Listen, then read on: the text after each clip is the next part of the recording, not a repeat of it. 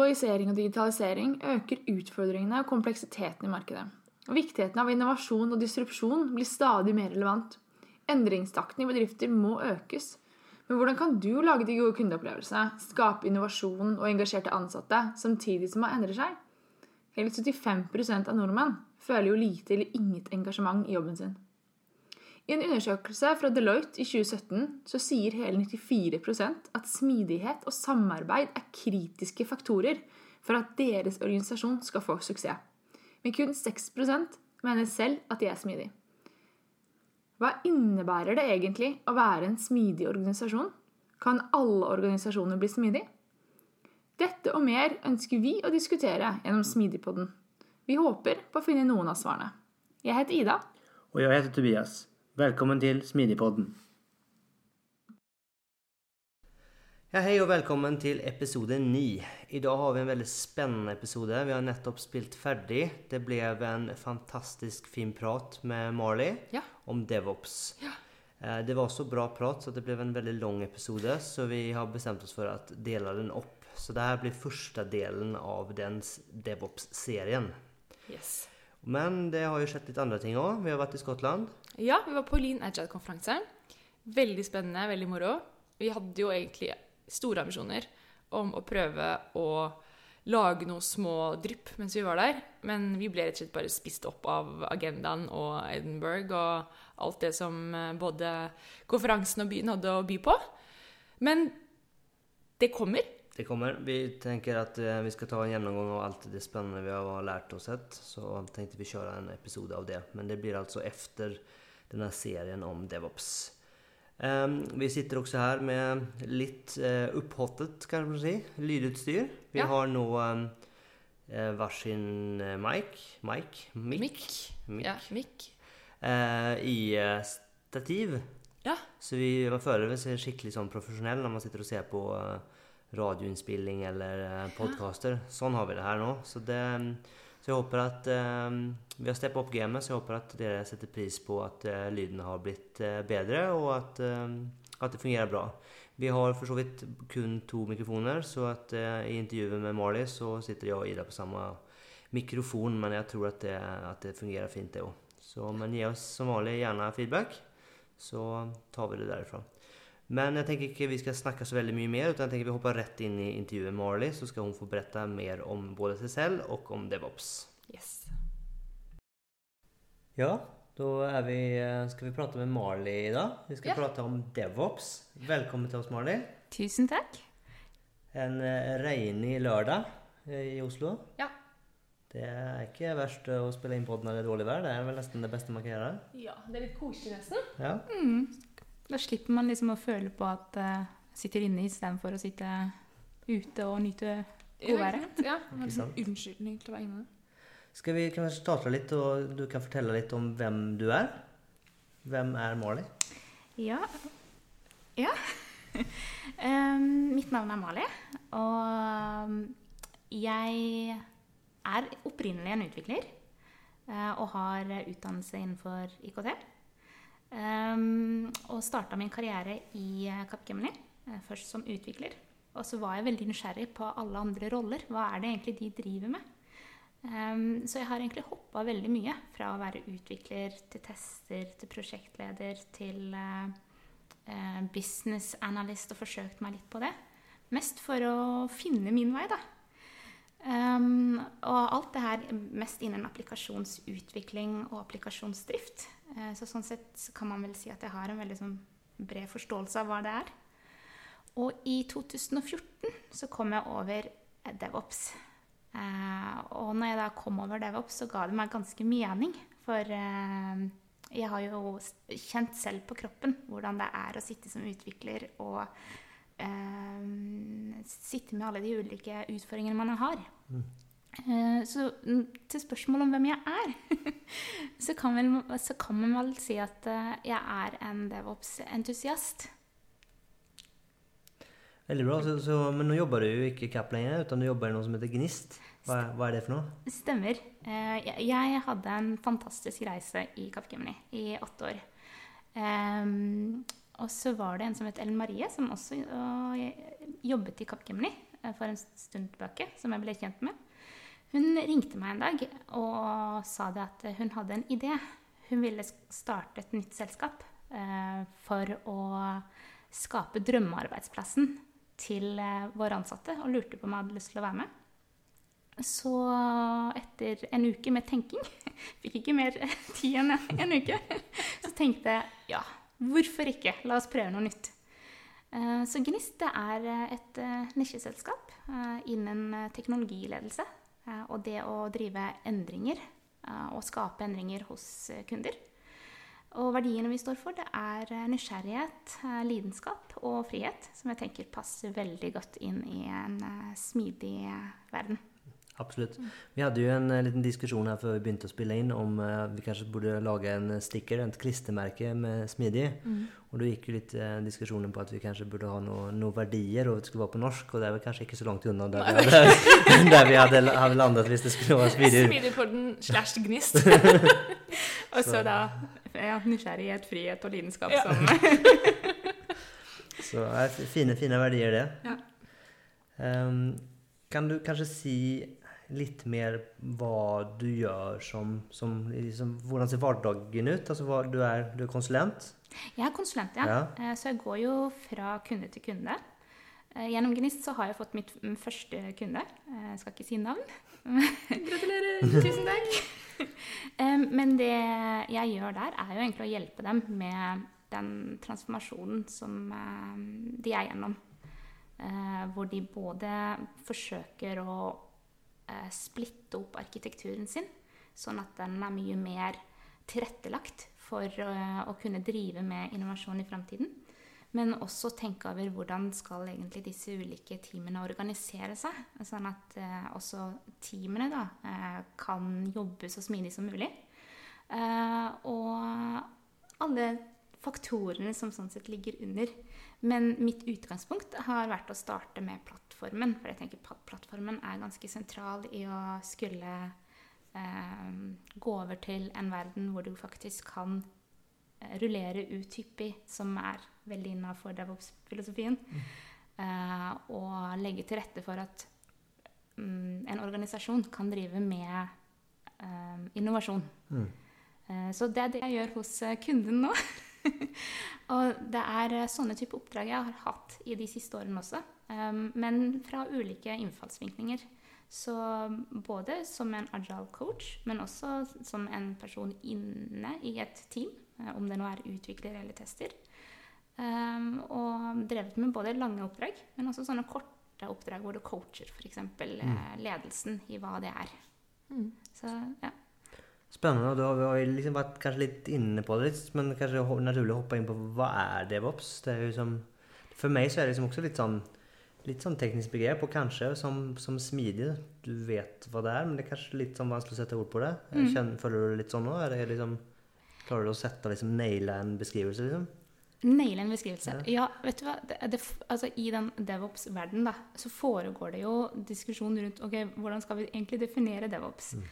I sin enkleste essens så går det jo på å få utvikling og drift til å jobbe sammen. Eh, og sørge for at de har en hverdag som gjør at man kan rullere ut hyppig. Um, men eh, for å få til DevOps så må jo også andre eh, ting legges til rette for det. Så det går også på å få til en pipeline som man på en måte er standardisert og automatisert. Men det går også på å tenke på kulturen i det her teamet, med utvikling og drift sammen. Hvordan skal den være? Eh, tilrettelegge for at eh, de alle jobber mot samme mål. Altså du kan samle en gjeng med folk, men hvis alle har ulike ideer om hvor man egentlig skal, så blir det jo ikke eh, noe der. Eh, og så går det også på å legge til rette for at det er prosesser. Og det er vel på den prosessbiten jeg tenker at smidig veldig ofte kommer inn. da. Mm. Hvordan eh, legge til en prosess hvor man kan eh, jobbe bedre sammen. Så jeg liker å si at DevOps, det, hvis du skal få det til, så er det Har dere hørt begrepet CALMS? Nei. Nei. Det står for culture, ja. automation, um, lean and agile, measurement og sharing. Ja. Hvis du har de fem tingene på plass, Da er det mye mer tilrettelagt for DevOps. Kult. Kult. Så, for det er jo det vi har diskutert mye. Kan man ha Kan man kjøre DevOps uten smidig? Mm, veldig godt spørsmål. Det er faktisk noe vi også har diskutert internt i Gnist. eh, og jeg mener at man absolutt kan kjøre smidig uten DevOps. For smidig den forsøker jo sånn sett å bryte siloen mellom forretning og IT. Mm. Um, men å kjøre DevOps uten smidig, det går, men jeg tror det er vanskeligere.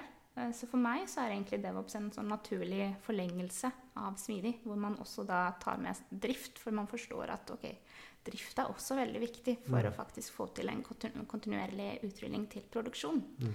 Eh, og, og i det så er det jo ett punkt som veldig ofte glemmes, og det er monitorering. Det å tilrettelegge for at man også får feedback tilbake, da, Mm. fra enten om det er brukere eller fra systemet på hvordan ting går.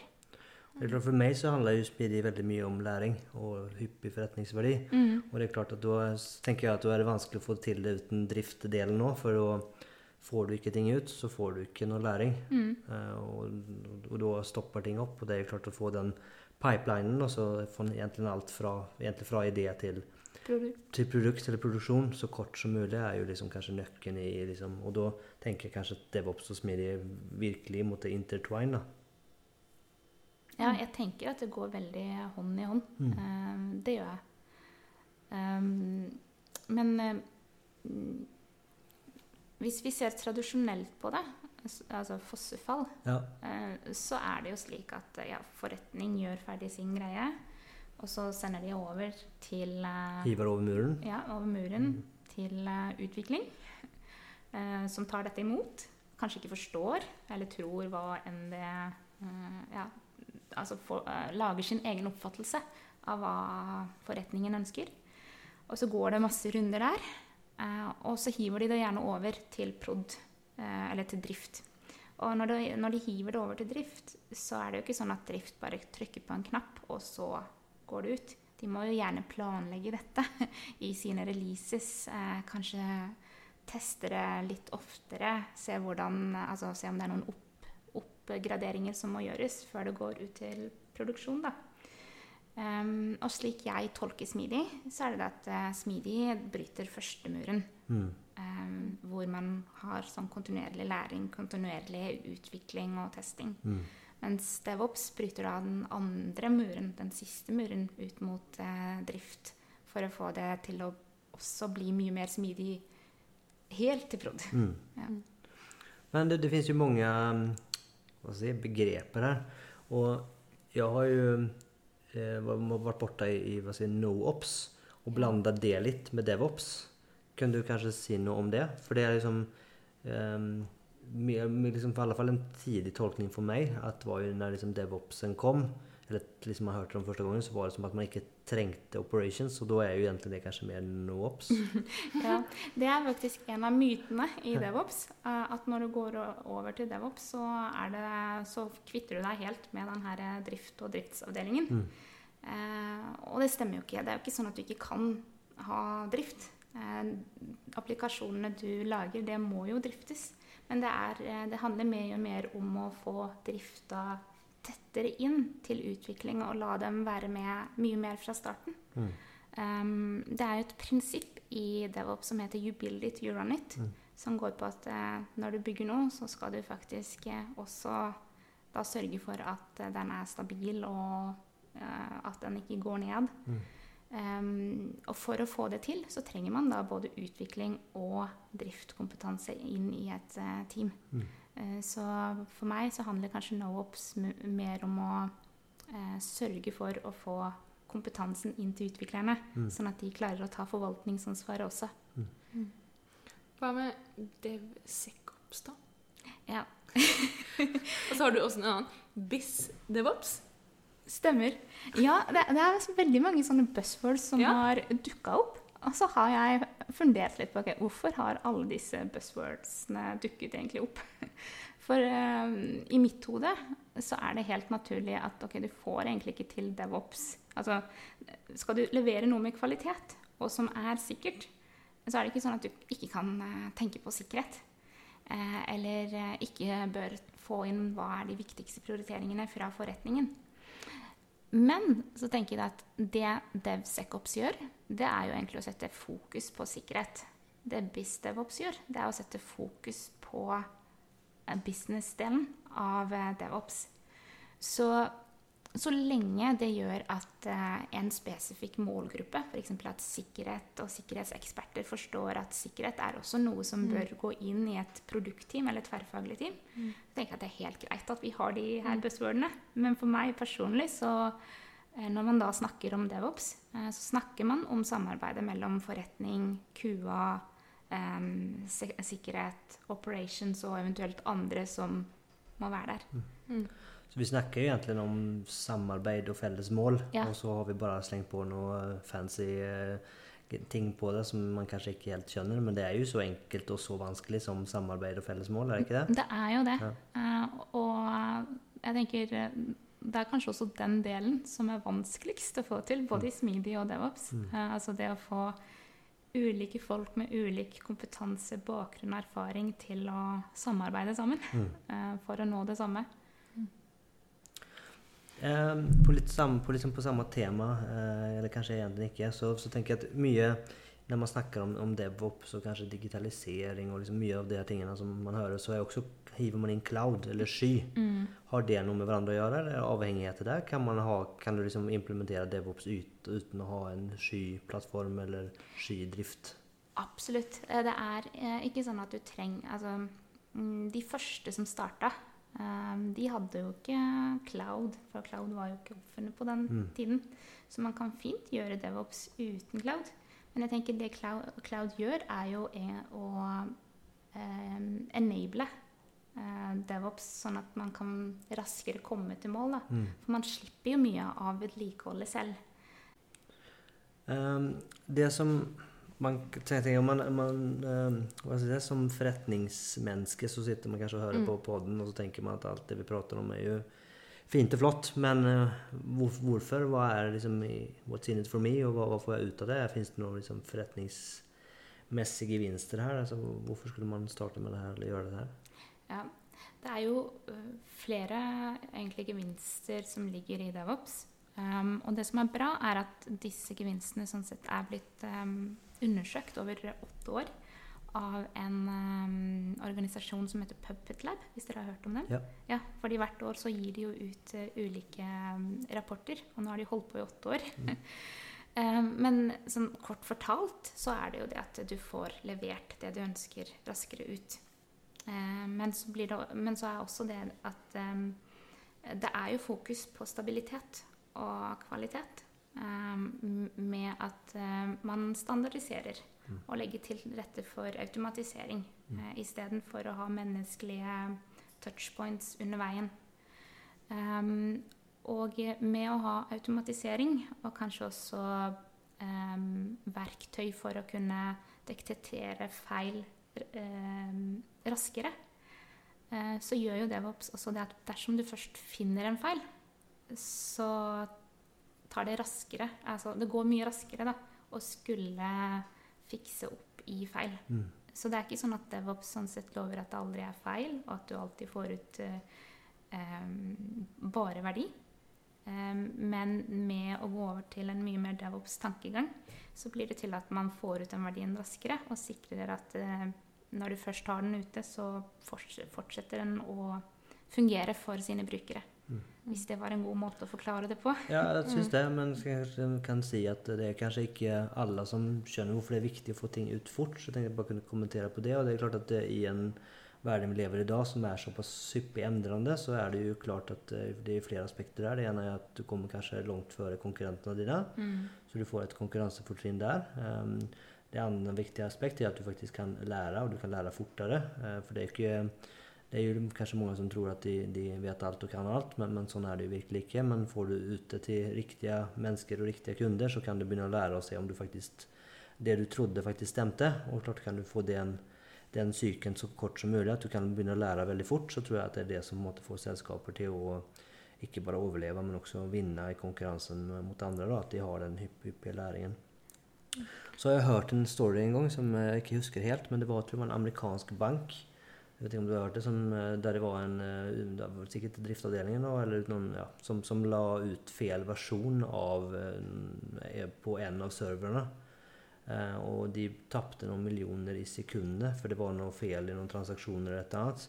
Så i løpet av den 27 minuttene det tok det for dem å finne ut av det og få tilbake den eh, riktige versjonen, så hadde de gått i konkurs. Mm. Det var en takk og natt. Eh, og det er også kanskje den lille menneskelige feilen eh, som vi alle, alle gjør. Så det, det er faktisk eh, den gangen der drev en stor bank i konkurs. da. Mm. Vi var jo på et um, Tobias og jeg var på et, um, en konferanse forrige uke. Lean Agile-konferanse i Skottland. Og da var, det, var vi på et DevOps-foredrag hvor det var en som sa eh, If it hurts, make it smaller. Ja. Og det er jo liksom veldig i tråd da, med Mm. denne bankhistorien din. Um, og virkelig gjøre releasene liksom så små som mulig, da. Ja, og det går Ja. eh, eh, Jeg tenker i hvert fall lean. Det er jo en av fundamentene sånn sett i DevOps. Det å forsøke å få til god flyt. Og hvis vi skal få til god flyt, så handler det jo om å ikke ha de svære eh, releasene um, hvor man på en måte forsøker å produsere kanskje en hel applikasjon av gangen. Men små, små ting. Sjekke at det eh, funker i prod før man tar neste. Og det er vel også det som gjør at okay, risikoen går ned, da. For å eh, ikke innføre feil, eller eh, for å kunne rette opp i sånne typer feil som du nevnte, mye raskere. Men nå er vi egentlig inne på det med risikohåndtering, eller risikostyring, da, Mm. i DevOps. Um, hva tenker du om det versus et mer tradisjonelt mindset? Hvordan skiller det seg? Ja. Min oppfatning av den tradisjonelle måten å drive risikohåndtering på, er jo at man gjør en big upfront planlegging av alt man eh, ønsker å få ut.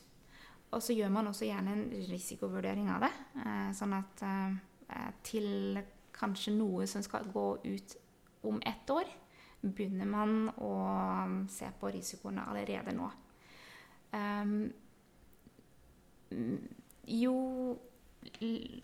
Altså Hvis tidsaspektet er lang, så vil det jo si at det er flere usikkerheter knytta til hva som kan gå gærent. Og det som da går gærent, det vil helt sikkert gå gærent. Men eh, i DevOps eh, og i Smidig så handler det jo egentlig om å få ut små, små ting så fort som mulig.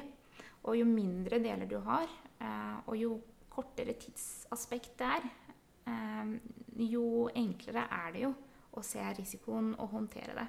Og da har man jo gjerne også mekanismer i produksjon, som f.eks. monitorering, som gjør at man får tilbakemelding eh, på hva er det som funker, hva er det som ikke funker. Det er kanskje det som også er forskjellen fra tradisjonelt. For tradisjonelt så er det jo gjerne en driftsavdeling eller en security operation-avdeling som eh, følger med og får først informasjon når noe går gærent.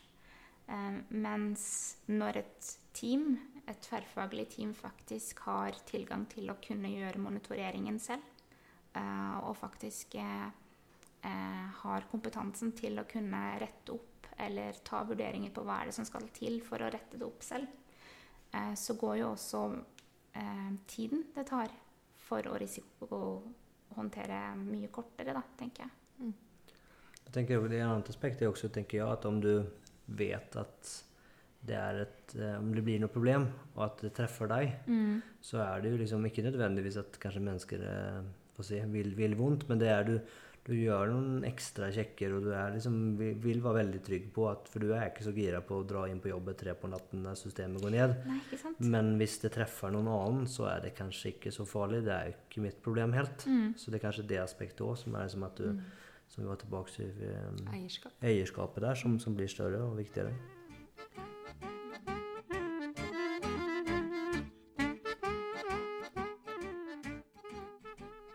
Håper at dere syns at det var like spennende som oss, og gleder dere til fortsettelsen. Som dere kanskje skjønte, så var ikke det her hele samtalen, men det her var kun første delen. Um, så vi skal planen er å få lagt ut de andre delene så fort som mulig. Så at, um, stay stay, Stay tuned. stay tuned. Yes. Som vanlig kan dere kontakte oss dersom dere har noen spørsmål. Vi fikk en del spørsmål, for, eller fikk mange spørsmål i forbindelse med denne når vi la ut om, om DevOps. Eh, Men gjerne send oss spørsmål eh, bare når dere kommer på noe. Eller om dere har forslag til gjester osv. Ja, eller noen ønsker, kommentarer, mm. hva som helst. Jeg Jag har også sett at vi har fått en del reviews. Det setter vi veldig pris på. Det er kjempegøy. Ehm, Så syns dere at podden er bra, så sett, eh, gjerne en Thumbs up? Thumbs, Eller stjerner er det vel? Stjerner, Ja. ja. Eh, og så tenker jeg at en annen ting man kan si, er jo liksom kanskje kan det være sånn at du syns at det var spennende, og du tenker at det kanskje er noen kollega til deg som kanskje skulle ha veldig glede av å høre det her, så er jo det en kjempefin ting å gjøre, er jo å sende en anbefaling at her har jeg en podkast som du bare må høre. Um, så setter vi pris på det, at, at det får litt spredning. Og hvis dere har noe vi bør bli bedre på, veldig gjerne skriv til oss på Instagram, Facebook, mail, hva som helst. Vi setter stor pris på å få tilbakemeldinger. Så til neste gang, ha det bra, så høres vi. Ha det! Ha det.